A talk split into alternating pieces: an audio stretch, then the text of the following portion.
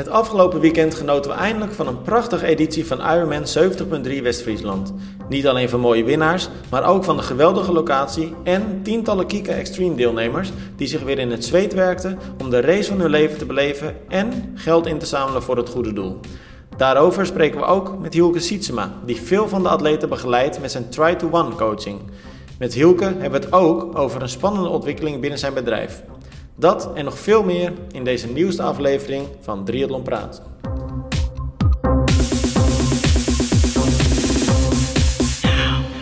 Klagen, klagen, klagen, Romy. Je bent niet lekker, hè? Nee. Hoe? Nee. ik zit dicht, maar volgens mij zei dat vorige keer ook, zeiden we net al, en toen hoorde er ook niemand het. Ja, want je Dus- klinkt gewoon kip lekker eigenlijk. Ja, maar ik hoor in mijn hoofd, hoor ik zo... "Huh." Nou, dan gaan we hem eh, gewoon kort houden. Al denk ik eigenlijk ook weer niet per se dat dat eh, gaat lukken. Want we hebben straks eh, Hielke, onder andere in deze podcast, Hielke Sietsema van Try to One Coaching. Die gaat iets vertellen. Ik weet eigenlijk nog niet per se eh, helemaal goed wat, dus dat eh, wordt spannend. Maar laten we eerst met elkaar eventjes eh, het afgelopen weekend doorlopen. Want het was wel weer een mooi, mooi weekendje, geloof ik. Al moet ik wel Ach, gelijk... wat weet erop- jij ervan? nou ja, dat wilde ik dus net zeggen. Al wilde ik er wel bij zeggen dat ik eigenlijk weinig ervan af weet. Dus ik heb, ik heb net jouw artikels een beetje doorgelezen. Maar laten we even beginnen met... even voor de duidelijkheid trouwens, voordat mensen denken... Huh, eh, wat eh, is daar aan de hand? Maar als je de podcast van vorige week misschien niet geluisterd hebt... Ik eh, ben een weekje op vakantie geweest, of anderhalve week eigenlijk... En vorig weekend, afgelopen weekend, had ik een, eh, een bruiloft. Dus toen ben ik ook wel echt wel een beetje eh, offline geweest. Eh, want die bruiloft was in Italië, dus ja, ik wilde daar ook niet gaan werken. Mhm. Maar Romy, laten we even aftrappen met Ironman West-Friesland, Horen dus. Mhm. Want ja, dat was natuurlijk veruit de grootste wedstrijd. Jij, in Nederland althans. Jij bent erbij geweest. Volgens mij best wel een toffe sfeer daar, of niet? Het was de. Ik eerste echt- keer? Ja, ik vond het een hele leuke race. Ik kende Hoorn ook niet. Eh, ik vond Hoorn ook echt vet leuk. Want ik was ook tijdens het fietsen nog even het stadje ingelopen. En toen dacht ik, nou, daar kun je als toeschouwer ook leuk voor maken. Ja, het is een leuk dorp. Ja, stadje hè, is het. Oh, het is een stadje. Ja, dat Ja. zal inderdaad ook al. Ja, nee, nee, maar dat zei je ook. Nee, maar dat is leuk hè. Het is, het is een gezellig, eh, gezellig plekje. Ja, en het zwemonderdeel zo waar je dan start in de haven en dat je dan zo, zo eruit zwemt, zeg maar. Dus eh, ja, ik vond het echt heel erg leuk. En het was uiteindelijk ook nog heel lekker weer. Het begon een beetje slecht, maar de zon ging schijnen op een gegeven moment. Dus dat maakt de sfeer dan ook alweer leuker. Ja? En de eerste keer dat je weer zonder anderhalve meter en zo. Ja, hoe was dat inderdaad voor... eh, want dat was natuurlijk inderdaad de eerste keer ook met Ironman... Mhm. eh, dat het echt weer zeg maar kon zoals het zou moeten. Was het dan ook gelijk dat grote feest wat het moest zijn? Ja, er was wel weer wat meer sfeer, denk ik, dan, je, dan de afgelopen races steeds was. Het was nog niet dat het echt helemaal vol stond, want ik denk dat het voor veel, veel mensen hadden denk ik niet door dat ze het eiland, het was een soort eiland waar dan de finish was. Ik denk niet dat iedereen begreep dat je daar op mocht, want er stond zo'n ehm, veiligheidsvrouw. Eh, en die moest je een QR-code laten zien dat je dan gevaccineerd bent of een eh, negatief testresultaat. Mhm. Ehm, dus misschien dat mensen zich daar nog een beetje door lieten tegenhouden. Want ik stond daar op een gegeven moment, want ik moest naar de finish toe. En ik zat zelf ook te klooien, want ik had een nieuwe telefoon en ik had de app er nog niet op staan. Dus dat was even wennen. Maar toen uiteindelijk had ik een persaccreditatie, dus mocht ik er blijkbaar in, want dan zou je al gecheckt zijn. Oké. Dus, eh, maar nee, het was gewoon, ja, ik vond het echt een leuke sfeer hebben. Het was Ja, een leuke tof. race. Nou, en dit is, wat dat betreft is het natuurlijk ook wel heel tof dat die wedstrijd eindelijk heeft plaatsgevonden. Want het is natuurlijk al een hele tijd eh, ja, dat het voor heel veel atleten op de radar stond. Hè, van Ironman West-Friesland, die gaat komen. Mhm. Eh, werd natuurlijk uitgesteld door corona ook. Maar nu een mooie verrijking dus naast, naast Maastricht. Eh, een, een hele mooie halve op de, op, de, op de kalender er weer bij.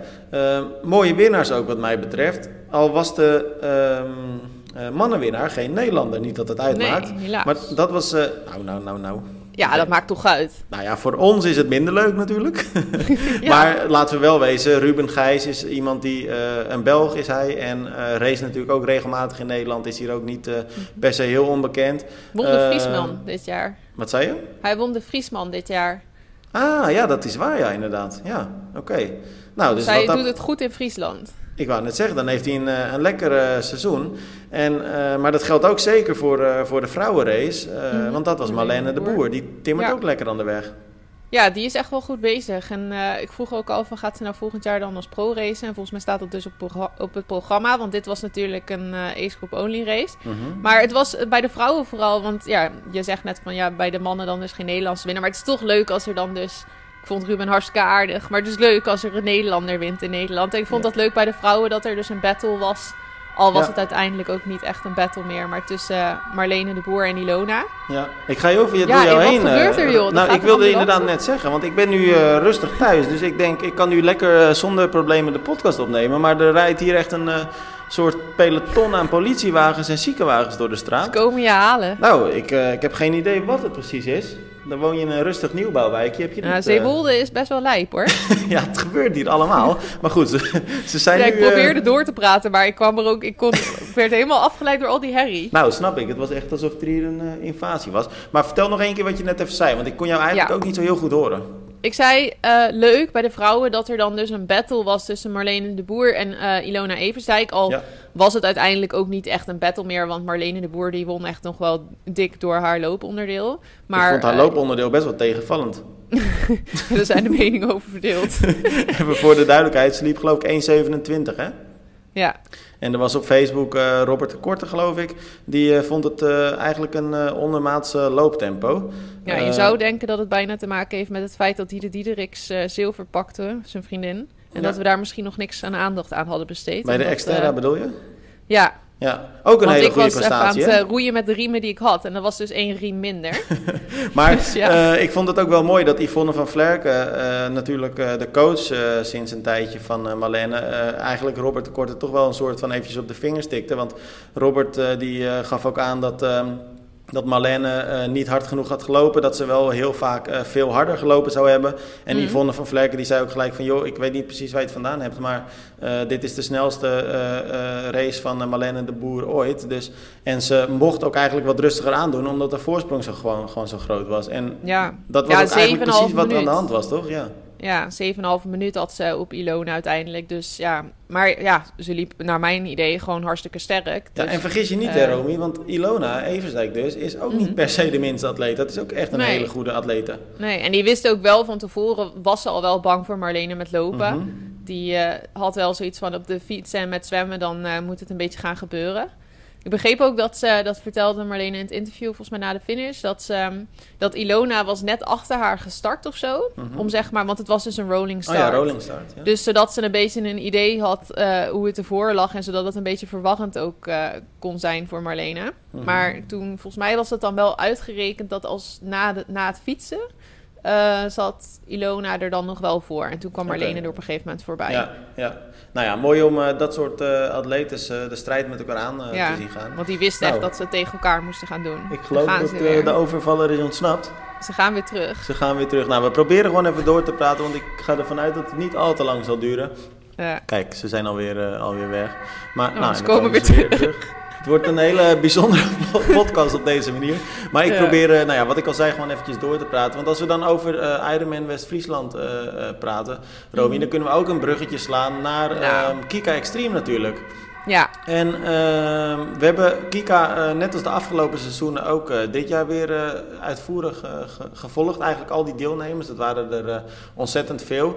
En Mhm. eigenlijk wat ik het mooiste vind, en zij hebben natuurlijk meegedaan aan drie verschillende wedstrijden. Ironman 70.3 Nice, Ironman 70.3 Luxemburg en nu dus Ironman 70.3 West-Friesland. Nou, ik vind het al helemaal tof dat Ironman zich op die manier aan eh, het goede doel eh, verbindt. Want je geeft die Mhm. atleten toch de kans om eh, nou, ten eerste een hele mooie race te doen. En ten tweede om op die manier dus geld in te zamelen.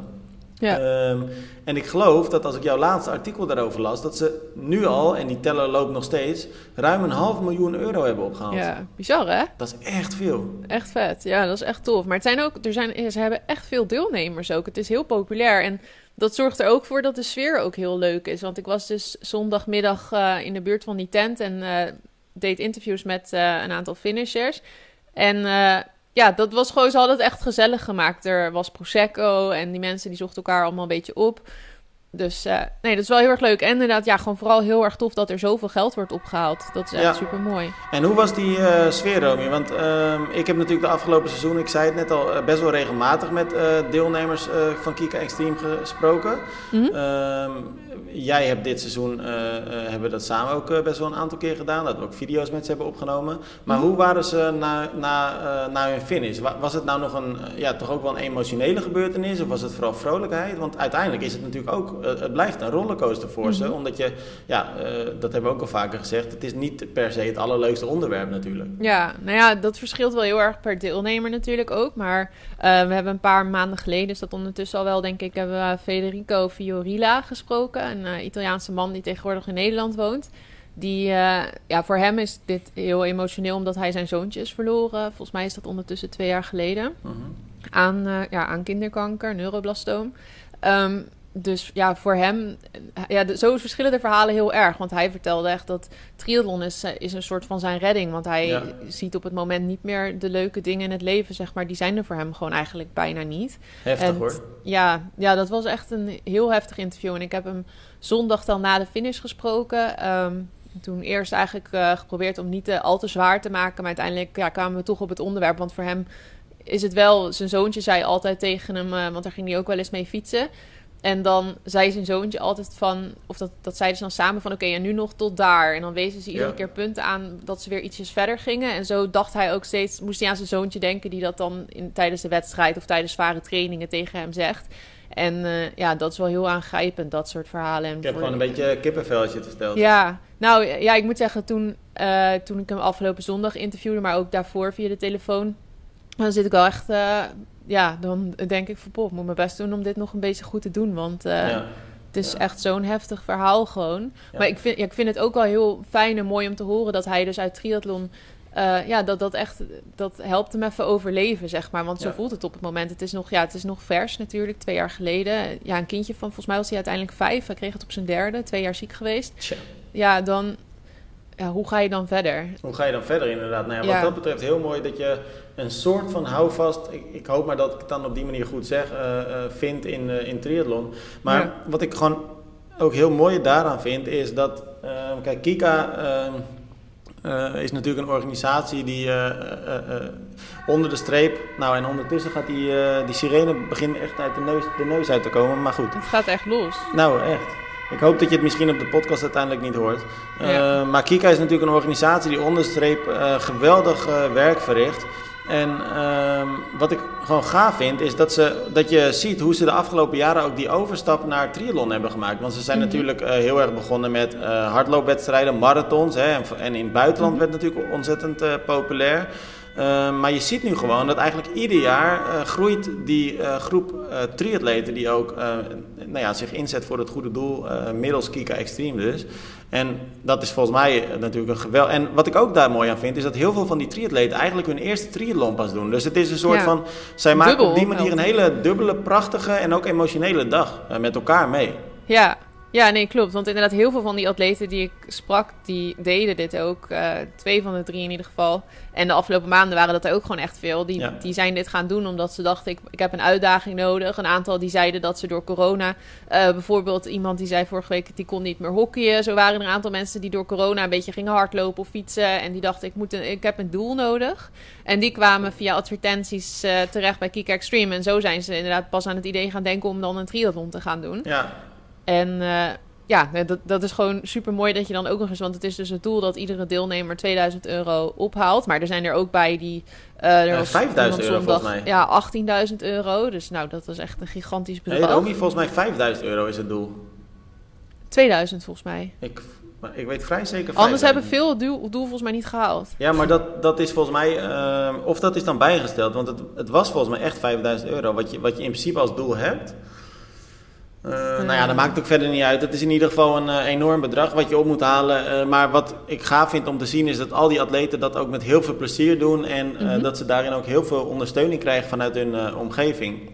Ja. En, dus nou dat ja, is echt zoals die man die 18.000 euro ophaalde, die, legt, die zei ook gewoon van het ging eigenlijk best wel een beetje als vanzelf. Hij had allemaal kleine Kika, Kika Extremes georganiseerd, zei hij het. eh, op de school, eh, Ja. volgens mij via de sportvereniging. En ja, zo komt het dan echt wel hard binnen. Want sommigen zijn ook heel creatief in ja, het bedenken van dingen om dan geld in te zamelen. 18.000 euro, dat is ook wel echt te gek.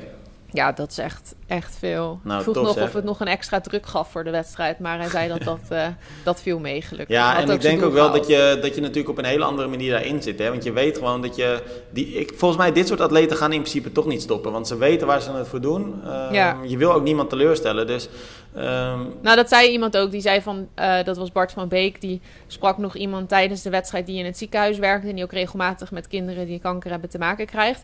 En die hadden het er zo tijdens de wedstrijd over op een moment dat het even heel zwaar was. En hij zei, ja, je kunt niet opgeven. Die kinderen Nee. kunnen dat ook niet. Nee, je nee, kunt gewoon tof. echt niet stoppen. En hij zei ook van, nu ik het zo zeg, krijg ik eigenlijk ook een beetje kippenvel van. Ja, nou te gek. Mooie, mooie instelling.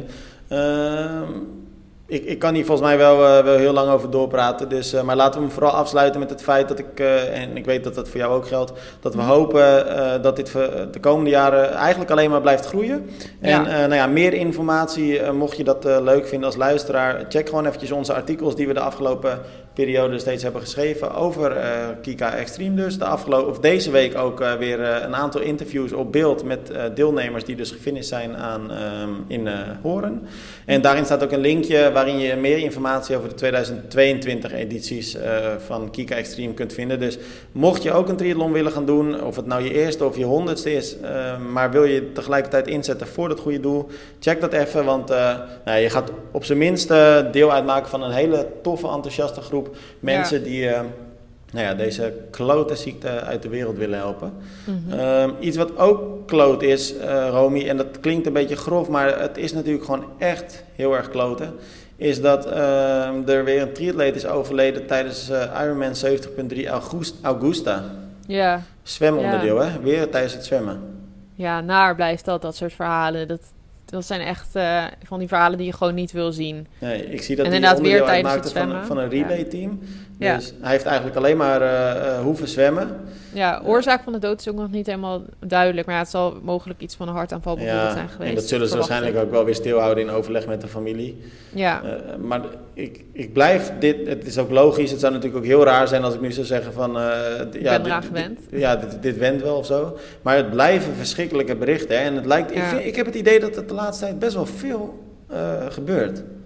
Ja. ja, maar misschien is het ook logisch of zo, omdat toch triathlon ook wel weer groter wordt. Dat dat ja, daardoor ook weer dat je het meer hoort. Het is op zich ook weer logisch, denk ik, ergens dat het bij het zwemmen dan misgaat. Omdat Mhm. dat toch wel een beetje koud water, paniekerig, veel Spanning mensen heen, spanning inderdaad voor zo'n wedstrijd. Ja, misschien is dat ook dan wel nog het ja, logischste moment, zeg maar, als het, ja, dat het dan daar misgaat, zeg maar. Ja. Maar, ik eh, moet ja. zeggen, ik, ik, misschien ook omdat je wat ouder wordt of zo, maar je denkt er dan, ook als je dit soort berichten dus vaker leest, dan Mhm. moet ik zeggen, dan eh, word ik er zelf ook gewoon wat huiveriger voor. Dat je toch denkt, ja, als je in dat water ligt, je kunt ook eigenlijk niks, hè?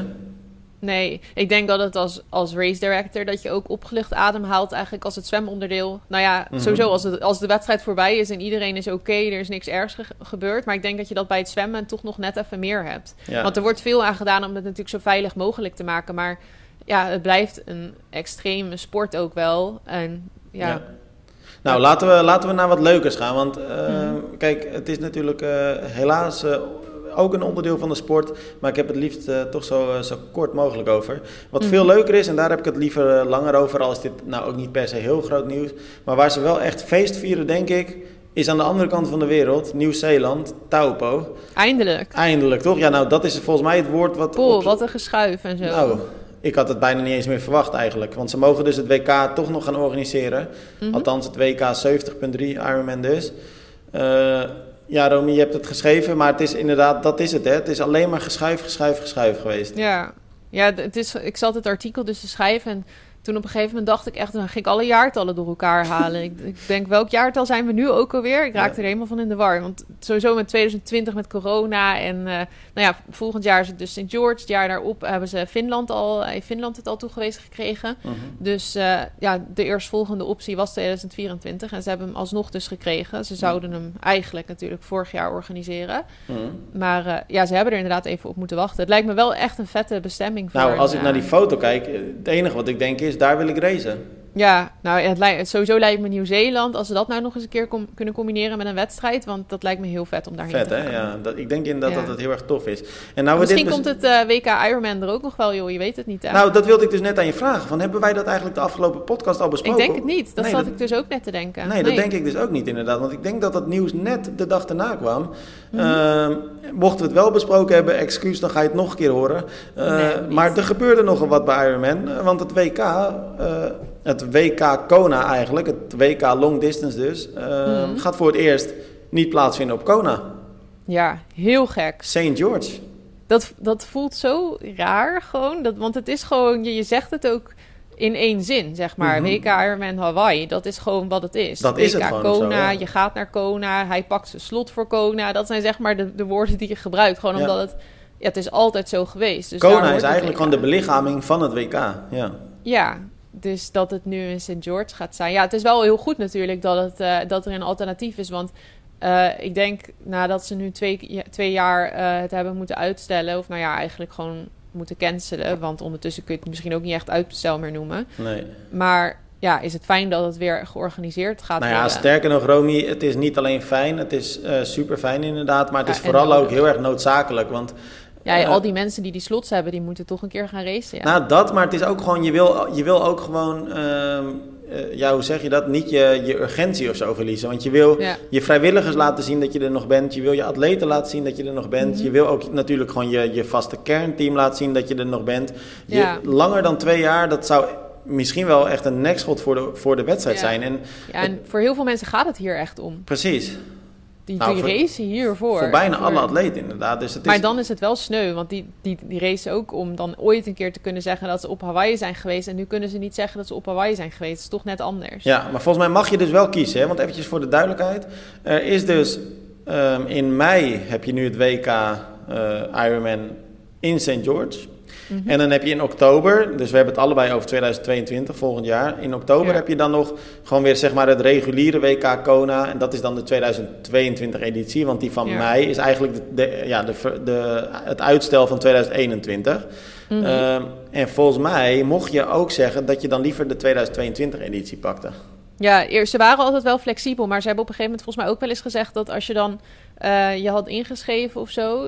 Want ik weet dat er atleten waren op een gegeven moment dat toen het weer werd uitgesteld, dat ze net alles al hadden vastgelegd en geboekt en zo. En dat ze dan net pech hadden dat ze dat net te vroeg hadden gedaan. En dat ze daarna in één keer dat ze bleek dat ze ook konden kiezen om alles gewoon eerder al door te schuiven, zeg maar. Ja. Dus ik, ik weet niet hoe dat nu dan precies zit. Nee, dat moeten we nog eventjes in de gaten houden. Want ik kan me eigenlijk ook voorstellen dat, precies ook wat jij net zei, dat heel veel atleten dan toch denken, ja, dan schuif ik hem wel door naar Kona. Ja, dan komt niemand naar St. George, zeg Nee. maar, of zo. Ja, dat vraagt me dus af. Aan de andere kant misschien dat je dan juist naar St. George moet, want dan wordt, wordt dat je kans om Ja. het goed te doen. Ja, maar dat zal niet voor de pro's gelden, denk ik. Nee, maar voor de Eh, ace-groepers ja. misschien. Want de ace-groepers die maken er ook echt een once-in-a-life ding van natuurlijk. Klopt. Veel, veel die denken van ja, het kost gewoon een hoop geld natuurlijk. Misschien Ja. dat het nu trouwens iets goedkoper is als het in St. George is. Ja, dat weet ik, ik- niet. nee, dat weet ik eerlijk gezegd ook vast niet. eh, misschien wel iets schelen. Meestal zeggen ze 10.000 euro. Volgens mij wordt dat een beetje standaard als bedrag genoemd als je het hebt over naar Hawaii gaan. ja, wat dan geldt. Hè? Ja, ja, dat is wel echt duur. Maar het Hey. wordt volgend jaar wel echt een gekke situatie. Gewoon twee WK's zo kort na elkaar. Ja, dat en Kona wordt twee dagen, hè? Ja, Mannen- nou ja, en dat, vrouwenrace wordt gescheiden van elkaar. dan hoop ik dat het een beetje een boeiende vrouwenrace wordt. Want Ja.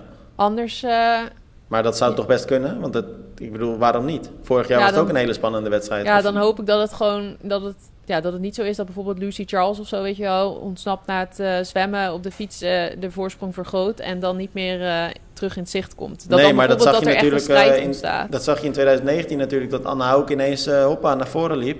Ja, En, nou ja, dat zou leuk zijn als er zoiets, als het echt bij de vrouwen ook een beetje spectaculaire race wordt. Want anders vond ik het op zich niet heel storend bij zo'n lange afstand dat het door elkaar heen loopt. Want het, er gebeurt niet constant heel veel. Dus dan is het best prima om te switchen tussen mannen en vrouwen, vond ik. Ja, ja, ja, ja. Nou, spannend. Ja, Romy, en dan laten we wat mij betreft Kona nu toch eventjes weer voor wat het is. En dan gaan we dichter naar huis, want we kondigden hem eh, eerder in deze aflevering ook al eventjes aan. En hij is er inmiddels. Hielke Sietsema, de man van eh Try to One Coaching. Eh, Oh, leuk dat je er bent, Hielke. Ja, dankjewel. En wij hadden het, en dat weet jij eh, niet, want jij hebt deze podcast nog niet gehoord, maar we hadden het net eventjes ook over eh, Ironman eh, West-Friesland. En ehm, toen hadden we het ook uitgebreid met elkaar over Kika. Ehm, en wat we nog niet gezegd hebben, ehm, en we zullen het daar niet alleen over hebben vandaag, eh, maar is dat jij daar ook best wel een, een redelijk grote rol in speelt. Eh, want jij begeleidt heel veel van die atleten, hè? Ja, ons, eh, en dan, dan ik niet zozeer persoonlijk, maar eh, met 3 to 1 coaching. En dan hebben we met name Katie en, eh, en Dimitri, twee, twee andere coaches, ja, heel veel Kika-atleten begeleid. En, en met name de clinics verzorgd richting Kika. Want wat, Ja.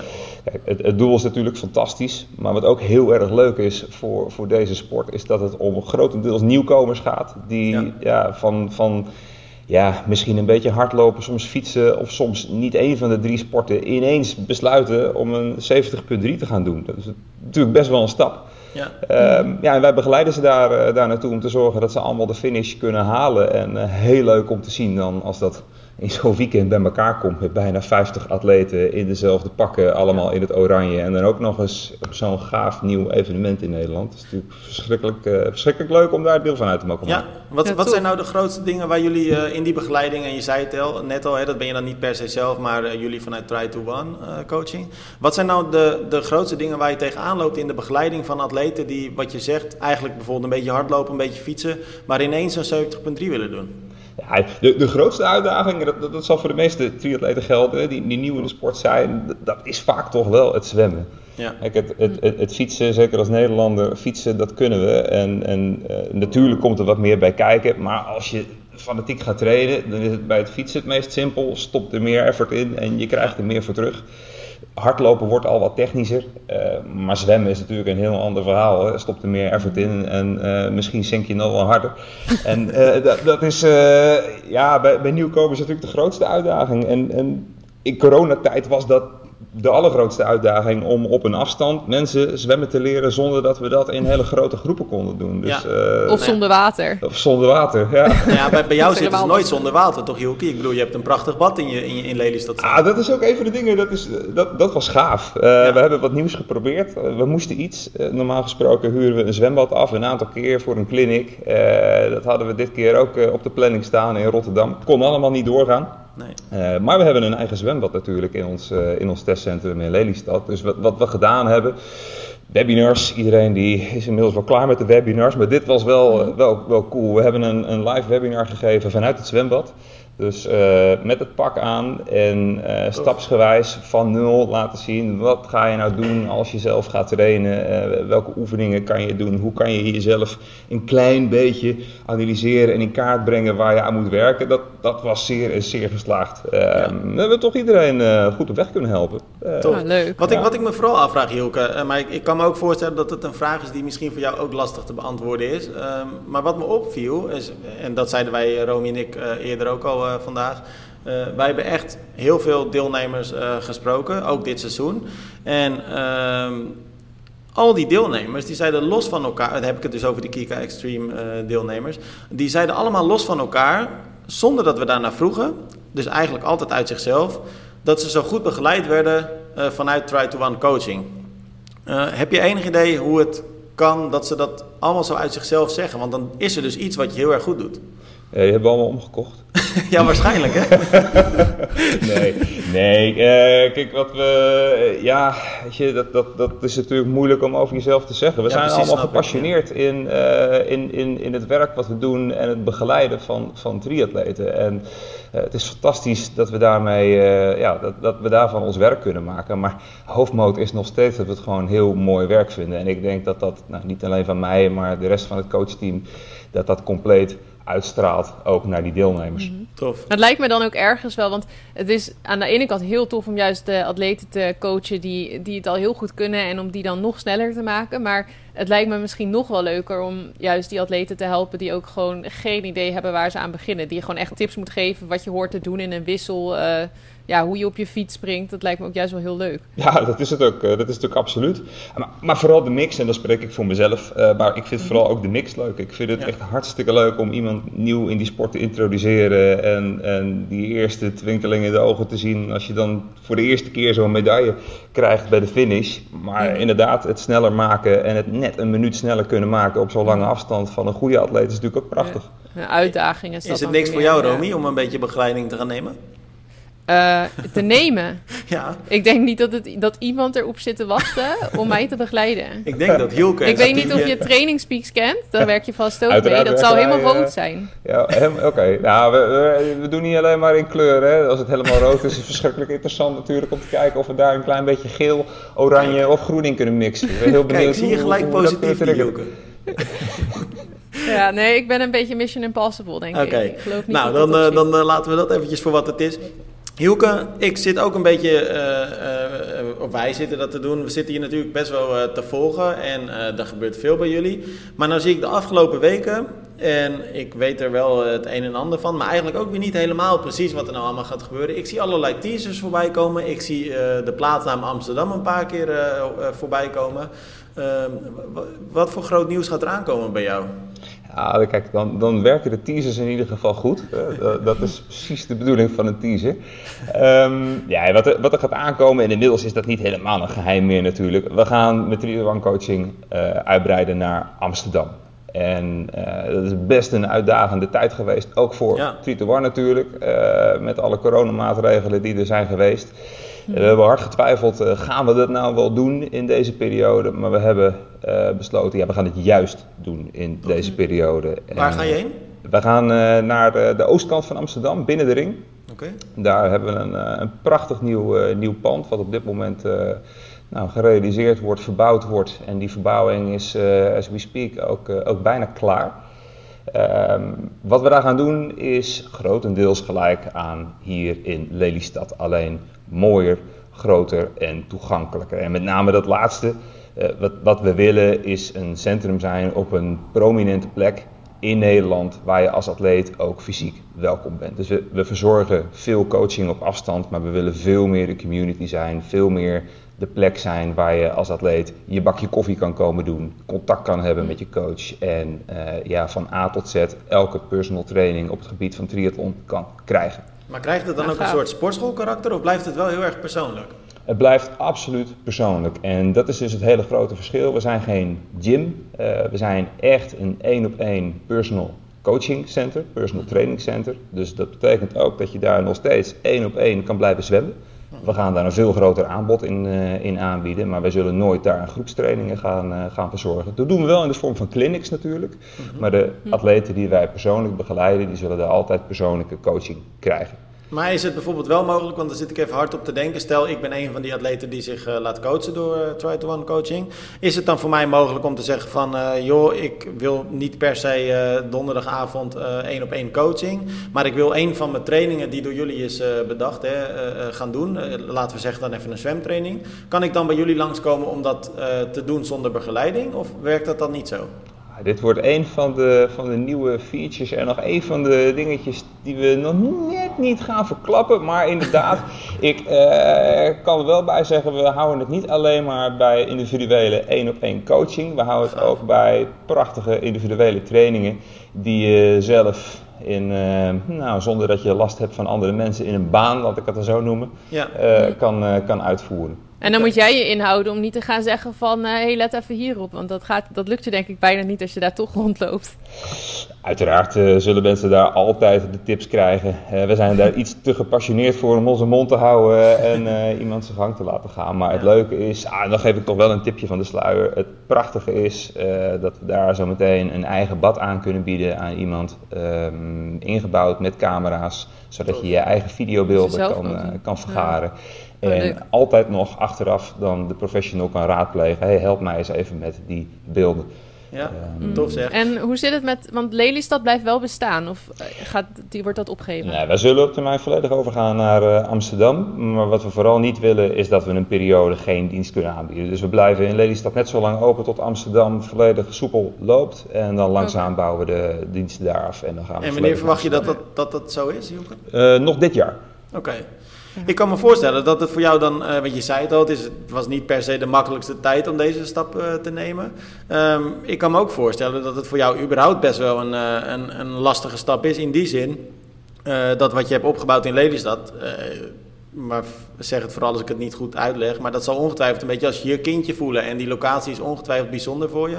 Dat laat je dan achter. Is dat nog lastig voor je? Ja, aan de ene kant ja, maar aan de andere kant, um, kijk, we hebben altijd al een. Uh, net als met, met, met trainen, is, is, is wat mij betreft het ondernemen en het, en het opzetten van, uh, van zo'n centrum ook een lange termijn plan. Ja. En dit is alleen maar onderdeel van een lange termijn plan. Lelystad is makkelijk voor mij geweest, omdat ik hier zelf ook, uh, ook woon. Ehm, het is natuurlijk het is een prachtig centrum, maar redelijk kleinschalig. Ja. Ehm, het is goed bereikbaar in het land, het ligt centraal. Maar aan de andere kant, wij hebben niet één klant uit Lelystad. Er is niet één atleet uit Lelystad die hier op regelmatige basis komt zwemmen, uh, inspanningstesten komt doen. En die komen voor het grootste deel uit de Randstad, natuurlijk ook uit het oosten van het land. En ook uit het noorden van het land. Alleen we merken met name dat de animo uit, eh, uit de Randstad groeit en groeit de laatste jaren. En, en ja, als die de bereidheid hebben om ja, naar Lelystad te rijden, wat voor mij inderdaad een bijzondere plek is, maar voor de meeste Nederlanders, vooral de meeste mensen uit de Randstad, als een uh, zwart gat in de polder voelt, uh, dan gaan wij dolgraag toegankelijker maken voor de grootste doelgroep en gaan we naar die plek toe.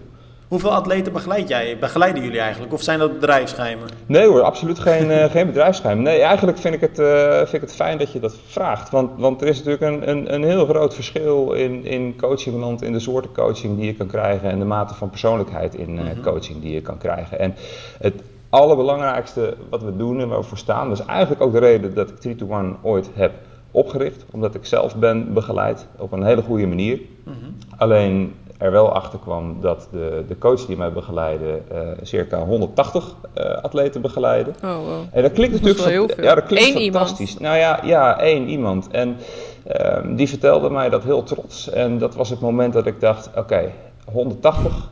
Dat is onmogelijk. Gedeeld door 40 uur.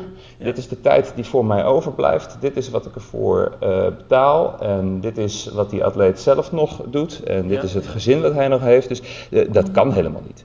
Um, Nee. Op het Dat moment. is copy-paste coaching geweest dan misschien. Dat moet copy-paste coaching zijn geweest. Hoewel het mij enorm heeft geholpen. Ja, ik wilde hoor, net als, zeggen, want eh, het als werkte dus wel, Want, ja. want er Ja. is een heel groot verschil. Schema's eh, kunnen fantastisch zijn. Ehm, Mhm. Sterker nog, het schema was fantastisch. Daar heb ik eh, nooit iets op aan te merken gehad. Alleen Mhm. coaching is wat anders dan een schema maken. Coaching is het begeleiden van mensen, zorgen dat dat schema past in, eh, in wat jij dagelijks doet, in hoe jouw lifestyle eruit ziet. En, Mhm. en daarin geloof ik, niemand is gelijk. Er, is, er, er kan niet één schema goed zijn voor persoon A en B. Misschien Nee. komt het wel dicht bij elkaar in de buurt. Maar sowieso zal een schema altijd aangepast moeten worden. Iets Ja. wat ik vandaag maak, klopt over een week voor mijn atleet niet meer. En dan moeten we het aanpassen. Ja, maar dan heb je ook geluk gehad dat, het, dat dat toen goed voor je werkte, denk ik. Want voor de meeste atleten die eh, ja, het, het- een druk leven hebben, alleen dat al. Eh, maar je hebt ook gewoon in vermoeidheid. eh, ja, de- je, kan, je voelt je niet iedere week hetzelfde ook daardoor natuurlijk. Absoluut. Dus dan is het best, ja, voor sommigen zal het vast inderdaad werken, een vast schema. Maar voor het gros denk ik niet. Nee, ik denk dat het, dat het werkt voor de mensen die een, een, een grote mate van zelfstandigheid hebben en enigszins eigen, eigen kennis hebben. Hè, om daar verstandig mee, mee, mee om te gaan en te schuiven. Mhm. En, en ook echt een goede zelfreflectie hebben. Want het, het allermoeilijkste als atleet, vind ik, is jezelf coachen. Eh, Ja. Ik, ik, Maar het, is, maar het is dus een, eh, een kleinere groep. eh, Ja, wij werken, wij werken heel bewust met een, met een team van coaches om dus wel een, een grote klantengroep te kunnen begeleiden. Ja. Ehm, alleen per coach hebben wij een max van 30 atleten. Ja, ja, om te zorgen dat het persoonlijk blijft. En dan is het ook nog eens een max van 30 atleten afhankelijk van de mate van begeleiding die ze hebben. Eh. We bieden daar verschillende vormen in aan. Maar iemand die een vorm kiest die elke week gebeld wordt en persoonlijke training op wekelijkse basis erbij heeft, ja, kun je er natuurlijk nooit 30 van begeleiden. Nee, nee. En iemand die één keer in de vier weken graag een telefoongesprek met zijn coach wil hebben en een mooi schema op maat wil hebben, ja, daar kun je natuurlijk net weer iets meer van handelen. Dus eh, wij kijken per coach heel gericht hoeveel tijd heeft hij om aan zijn coaching te besteden. En dan zijn het geen hobbyisten die dat naast eh, of eh, ander werk doen of naast een eigen triathloncarrière doen, maar puur echt alleen maar fulltime met Ja. de coaching bezig zijn. En ehm, als jullie eh, bedrijven begeleiden, ehm, want je vertelde al eventjes voordat we de podcast begonnen dat jullie bijvoorbeeld KPN ehm, begeleiden, mensen, atleten van KPN die dan voor het eerst een triathlon doen. Is dat dan ook iedere keer helemaal persoonlijk op maat gemaakt voor iedere atleet?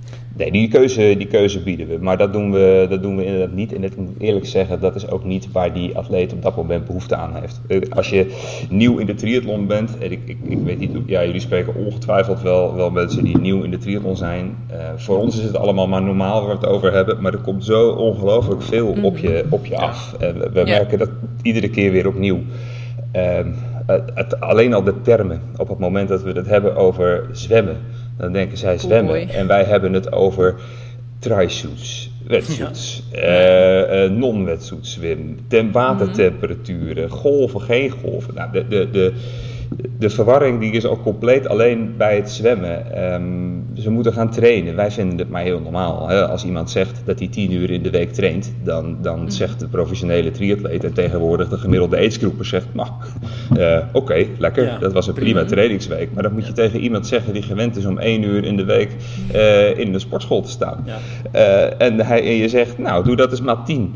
Ja, dat, dat, mm. dat spreekt totaal tot de verbeelding. Als je die ook nog meteen één op één coaching gaat aanbieden, omdat je laat blijken dat dat een soort van normaal is in triathlonland, mm. dan jagen we hem gelijk weg. Ja, dat is te intensief. Maar hoe komt het dan, Hielke? Want daar heb jij denk ik, eh, Romy en ik hebben het daar ook vaker met elkaar over. En ik uh, ben ervan overtuigd dat jij er wel een uh, goed uh, beeld van hebt. Hoe komt het dan dat triathlon, wat dus ja, wel een hele, toch een hoge instapdrempel vaak heeft, Um, maar tegelijkertijd zie jij dus al die Kika Extreme deelnemers die voor het eerst een triathlon gaan doen. En dat zijn er niet vijf, dat zijn er echt tientallen per jaar. Maar je noemde net hè, die KPN'ers. Uh, volgens mij waren dat afgelopen weekend tijdens Bosbaan ook een groep van uh, ongeveer 100 man. Ja. Uh, het is echt razend populair aan het worden. een ontwikkeling die al de afgelopen jaren eigenlijk in gang is gezet. Heb je enig idee hoe dat dan komt? Nou, triathlon is natuurlijk sowieso een van de, van de snelst groeiende sporten in, uh, in Nederland. Hè? En daar komt ook nog eens bij dat zwemmen ook in dat lijstje staat. Dus die, die twee uh, samen, dat, dat werkt wel mee. Maar ik moet ook eerlijk zeggen dat, dat in deze twee specifieke gevallen de credits ook wel heel erg gaan naar Kika, Kika Extreme en naar KPN.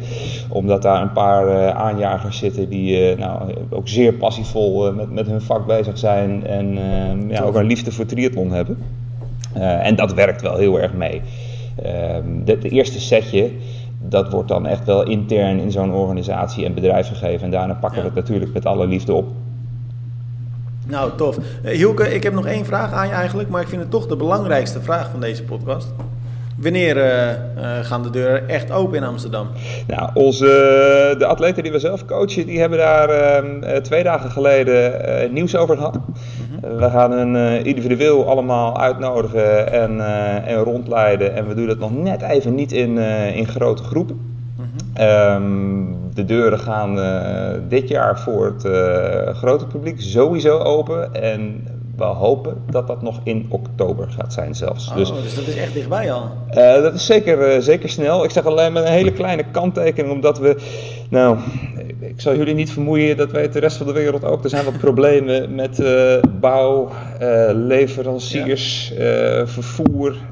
en nou, we hebben nogal een project daar, daar te leiden met, met ja. de verbouwing en de levering van bijvoorbeeld zwembaden.